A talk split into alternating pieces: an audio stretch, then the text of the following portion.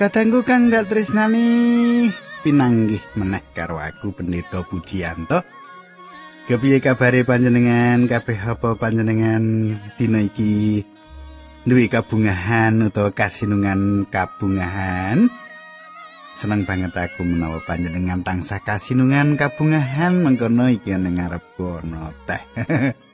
Wah, wong pegawe studio iki kala-kala yang menehi teh barang ngono. Disediani gula kadang-kadang kon gawe dhewe ngono. Lah piye panjenengan? Lenggah sing sekeco aja rono rene supaya iso nyemak apa kang ndak andharake dina iki bab kayakten ing kitab suci kita iki. Nah kaya padatan Adicara margi utami bakal bebarengan karo panjenengan ing sawetara wektu iki lan sugeng midhangetake.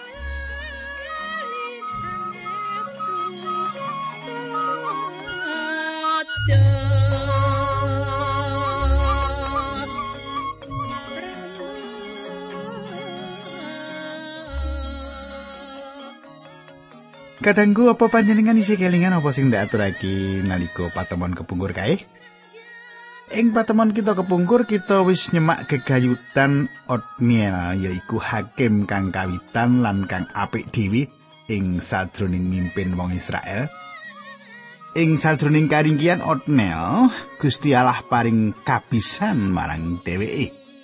Nah sepanjuri kepiye kita bakal semak ing dina iki nanging sadurunge kuwi ayo kita ndedonga dhisik. Duh Kanjeng Rama ingkang adhedhampar wonten kraton ing kasuwargan. Kawula ngaturaken gunging panuwun menawi wekdal menika kawula saged tetunggilan saged sesarengan kalian sedherek kawula. Kawula pasrahaken sedherek kawula wonten ing asta paduka, kawula nyuwun paduka jebati kawula kanthi panguwasaan Roh Suci Paduka. Kanthi makaten menapa ingkang dados pangandikan paduka saged kawula cakep wonten ing teneng manah kawula lan saged kawula nggih landesan gesang kawula.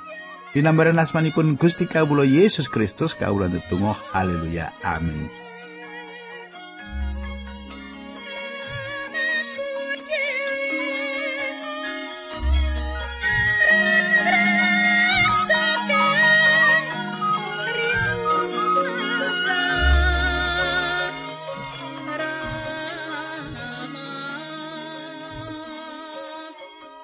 Kadangku saiki pasinaon kita wis ngancik ing kitab Para Hakim. Kitab Para Hakim bab telu ayat rolas.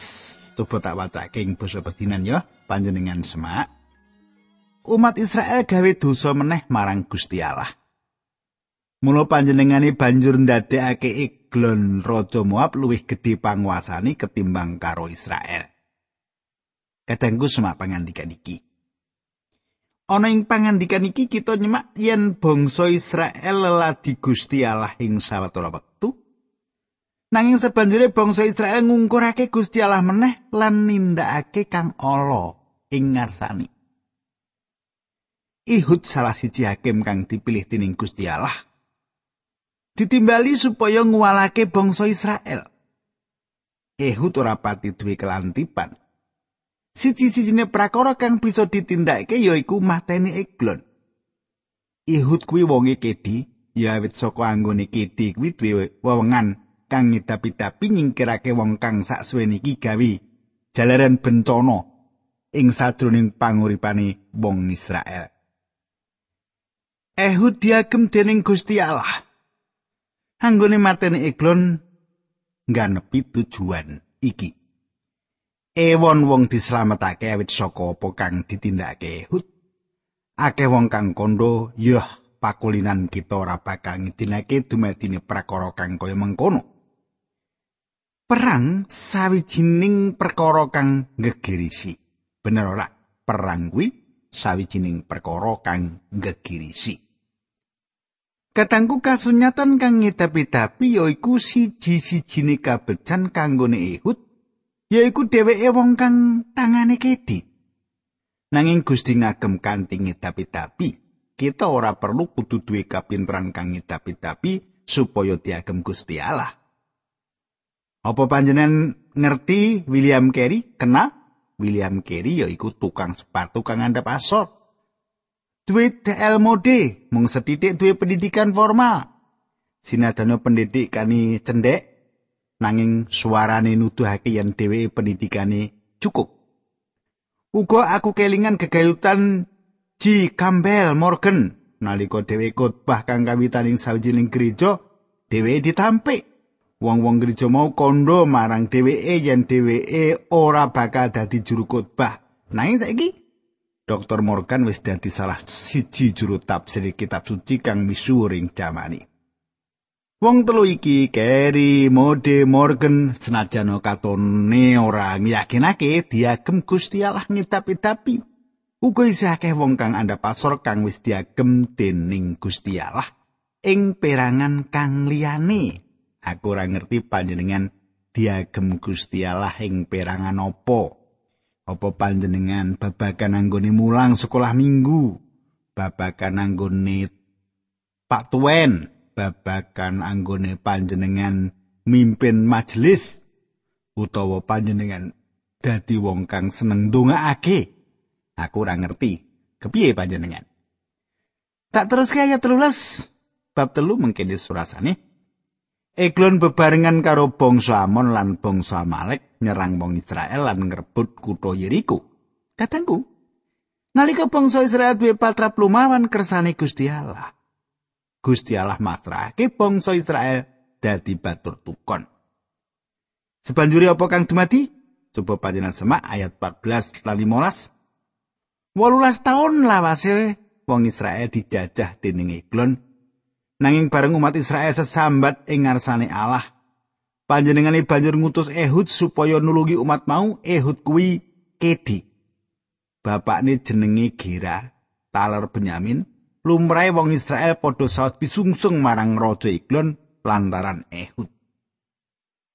Kadangku ing kene kita semak lelakon kang padha dibaleni meneh Israel sesambat marang Gusti Allah.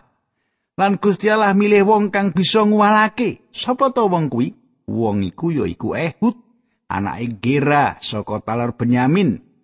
Siji-sijine kang dadi cirine Ehud ya iku dheweke kuwi Kedi.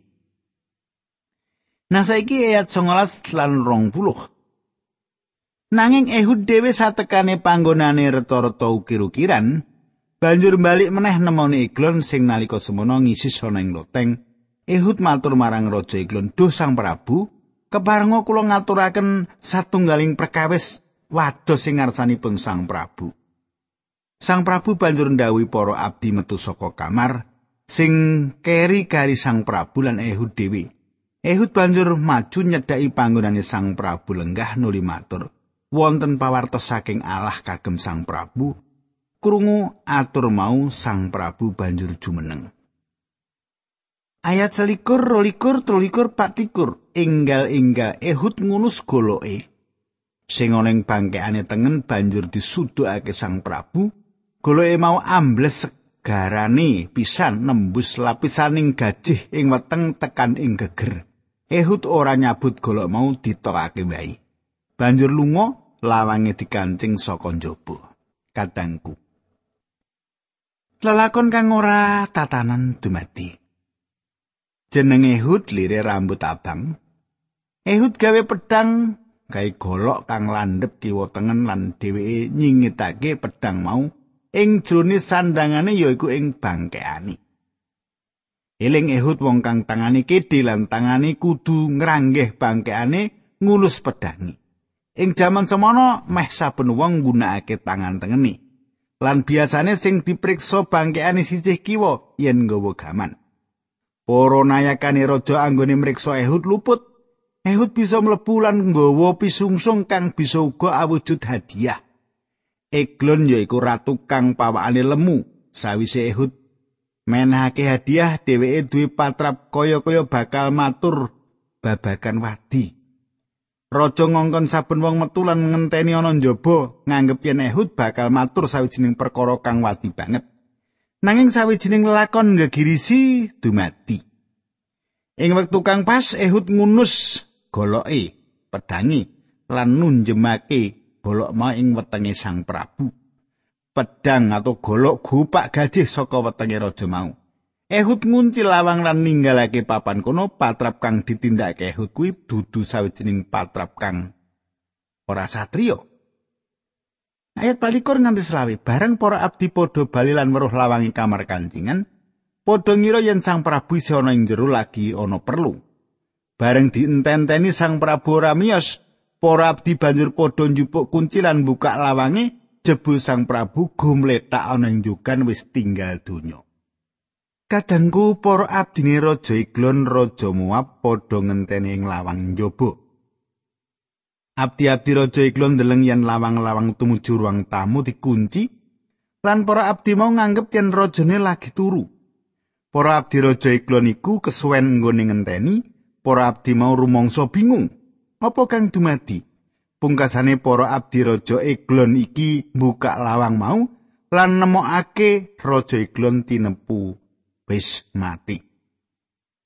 Ayat 6 Sajrone para abdi mau padha ngenten-enteni, Ehud wis mlayu mulih menyang Seira lewat panggonane reca-reca ukir-ukiran. Kadangku nalika para abdi iki ngenteni rajane tangi. Ehud duwe wewengan mlayu. Ehud ninggalake tanah Moab lan lunga ing sawijining papan jenenge Seira lan ing kono para abdi raja Ehud ora bisa nemokake. Saiki kita terus iki ayat 17 nganti telung puluh. Satekane daerah pegunungan Efraim, Ehud banjur nggunakake slompret kanggo nglumpukake wong Israel diajak perang. Wong Israel padha teka nuli diirit dening Ehud medun saka tanah pegunungan. Tembungi, "Melu aku, Gusti Allah wis ngulungake mungsuhmu wong Moab marang kowe." Wong Israel banjur padha medun saka pegunungan kairit dening Ehud banjur ngrebut panggonan sabrangane wong Moab ing Kali Yarden wong Moab sing arep nyabrang golek slamet padha dipateni kabeh. Sadurunge peperangan wong wong Israel mateni prajurit Moab sing pilihan cacah 10.000, siji wae ora ana sing oncat. Ing dina iki Moab dikalahake dening Israel lan tanah kenaan ngalami tentrem lawase 80 taun. Kadangku dikaya ing jamane para hakim, Gusti Allah isih nggunakake wong lumrah kang kepingin diagem kanggo nindakake rancangan gedhe Allah. Saiki tekan hakim kang angka telu yaiku Samgar. Ayat 31. Pemimpin sak pungkure Ehud jenenge Samgar anake Anat. Samgar mimpin perang lan nyelametake wong Israel. Gamane Samgar mung kayu sing adate kanggo ngiring sapi. Srono gaman mau Samgar mateni wong Filistin 600. Kadangku ing perkara iki dudu manungsane nanging carane kang ngedapi-dapi. Samgar nggunakake kayu kang kanggo ngiring sapi kang dadi gaman kang gegirisi. Wong Israel ora duwe gaman saka wesi, dadi Samgar nggunakake apa wae kang dadi duweke. Aku krungu wong kondo ing jaman saiki. Ya kita kudu duwe cara apik dhewe lan kang modern. pancen apik yen duwe cara apik. Nanging kepiye karo pawartani? Manut aku kang penting dudu carane, nanging pawartani. Kayu kang kanggo ngiring sapi bisa digunakake kanthi apik yen ana ing tangane kang pas. Eling, Gusti Allah nggunakake tekene Musa. Gusti Allah nggunakake watu saka bandile Daud. Lan apa kang dadi duwe Dorcas mung dom lan bolah. uga ana bocah lanang kang duwe roti saer limo lan sawetara iwak. Kabeh perkara iki diaturake marang Gusti Allah. Apa wae kang panjenengan duwei, menawa panjenengan masrahake ing sajroning astani, panjenengane bakal ngagem. Panjenengan kegilut telu hakim kang disebutake ing pasal iki, telu hakim mau mung wong telu ditambah karo Gusti Allah. Saiki kita ngancik para hakim papat. Ayat siji loro telu tekan papat. Bareng Ehud wis mati, bangsa Israel gawe dosa meneh ngarsane pangeran. Mulane pangeran negakake bangsa mau ditelokake dening Yabim, raja kenaan ing kutha Hasor. Senopatine Yabim jenenge Sesira, manggone ing kutha Haroset Hagoyim. Yabin duwe kereta perang saka wesi cacahe 900 nggone njajah lan nindes bangsa Israel lawase 20 taun. Wong Israel banjur padha sesambat nyuwun tulung marang pangeran. Nalika semono Israel dipimpin dening nabi wadon jenenge Deborah, bojone Lapidot. Kadangku sawise patine Ehud, Israel bali ngibadah brahala lan bali jaman penjajahan kawiwitan. Gusti masrahake wong Israel marang tangane Yabin, raja Kanaan, Sisera, senopati prajurit kang duwe 100 kereta perang. Kreta-kreta iki nuwahake rasa wedi kang wong-wong Israel lan ora duwe prabot perang kaya mengkono. Suwene 20 taun Yabin nindes bangsa Israel.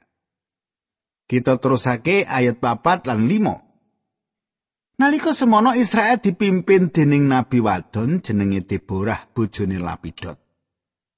Adate Deborah lungguh ing sangisore wit kurma antarane Rama lan Betel ing daerah pegunungan Efraim wong Israel yen butuh pituduh padha mrono.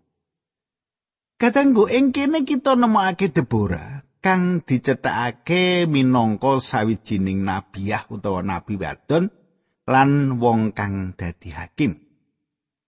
Marang kita uga dicaritake yen Abi mau bojone Lapidot. Deborah iku sawijining wong wadon kang ngidapi-dapi. Deborah dipilih Gusti Allah supaya ngadili wong Israel lan Deborah dadi jalaran barak senopatine prajurit Israel dadi repot.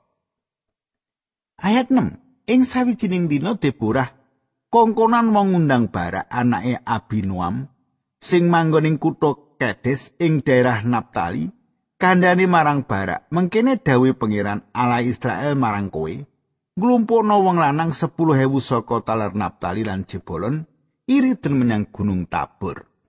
Ayat pitu, bolu. Mengko aku bakal ngusikake atine Sisira, kumendane tentara Yabin, marani kowe ing kali Kison, nggawa tentarane lan keretane perang arep nyerang kowe. Nanging sajrone perang mau dheweke bakal ndak ulungake marang kowe.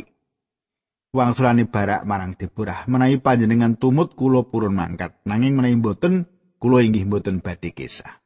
Katanggu kang ndak tresnani menawa ana jenderal senopati kang duwe patrap kaya wong wadon ya kuwi barak iki barak kutune ana ing papan peperangan nanging dheweke ndelik ana ing mburine wong wadon barak ora wani maju perang kejaba yen Deborah melu karo dheweke menawa Nabi mau lunga karo dheweke mula barak duwe keyakinan yen dheweke bakal kasil ana ing peperangan ora gumun menawa Gusti Allah kudu nggunakake wong wadon ing jaman semono Ayat songo pangutape Deborah. Yo becik aku ndak melu.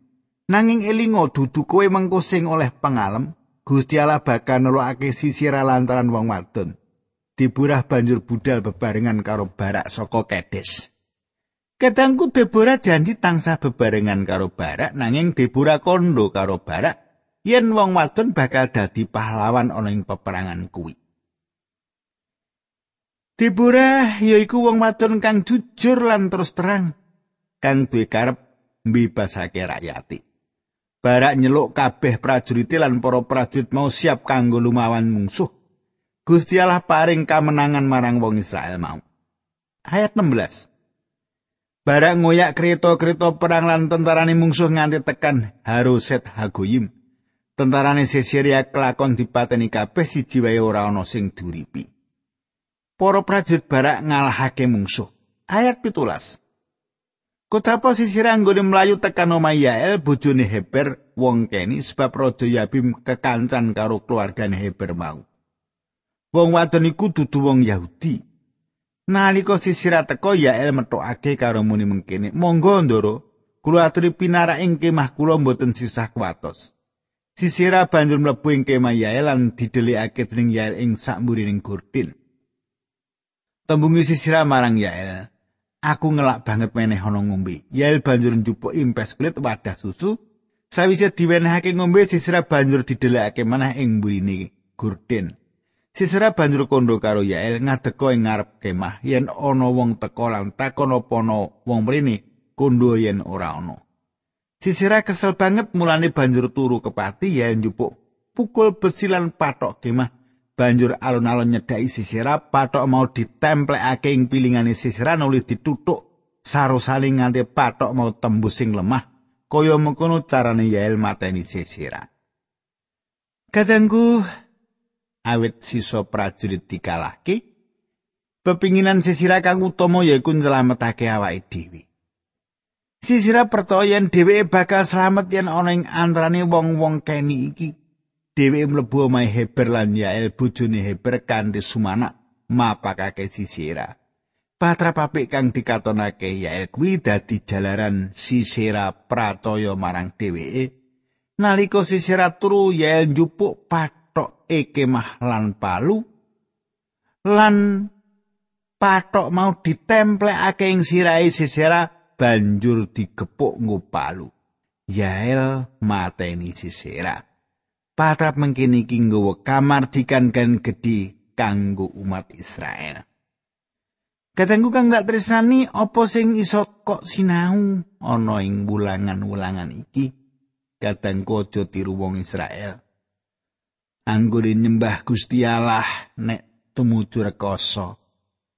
nek tumuju kepepet nek tumuju randi daya ora apa-apa ora iso apa-apa lagi sesambat karo Gusti Allah. Sing bener kadangku ya uripo kepenak ya uripo ora kepenak ya. Kudu tansah ibadah kudu tansah ngabekti kudu tansah nyumendekake urip iki ana ing Gusti.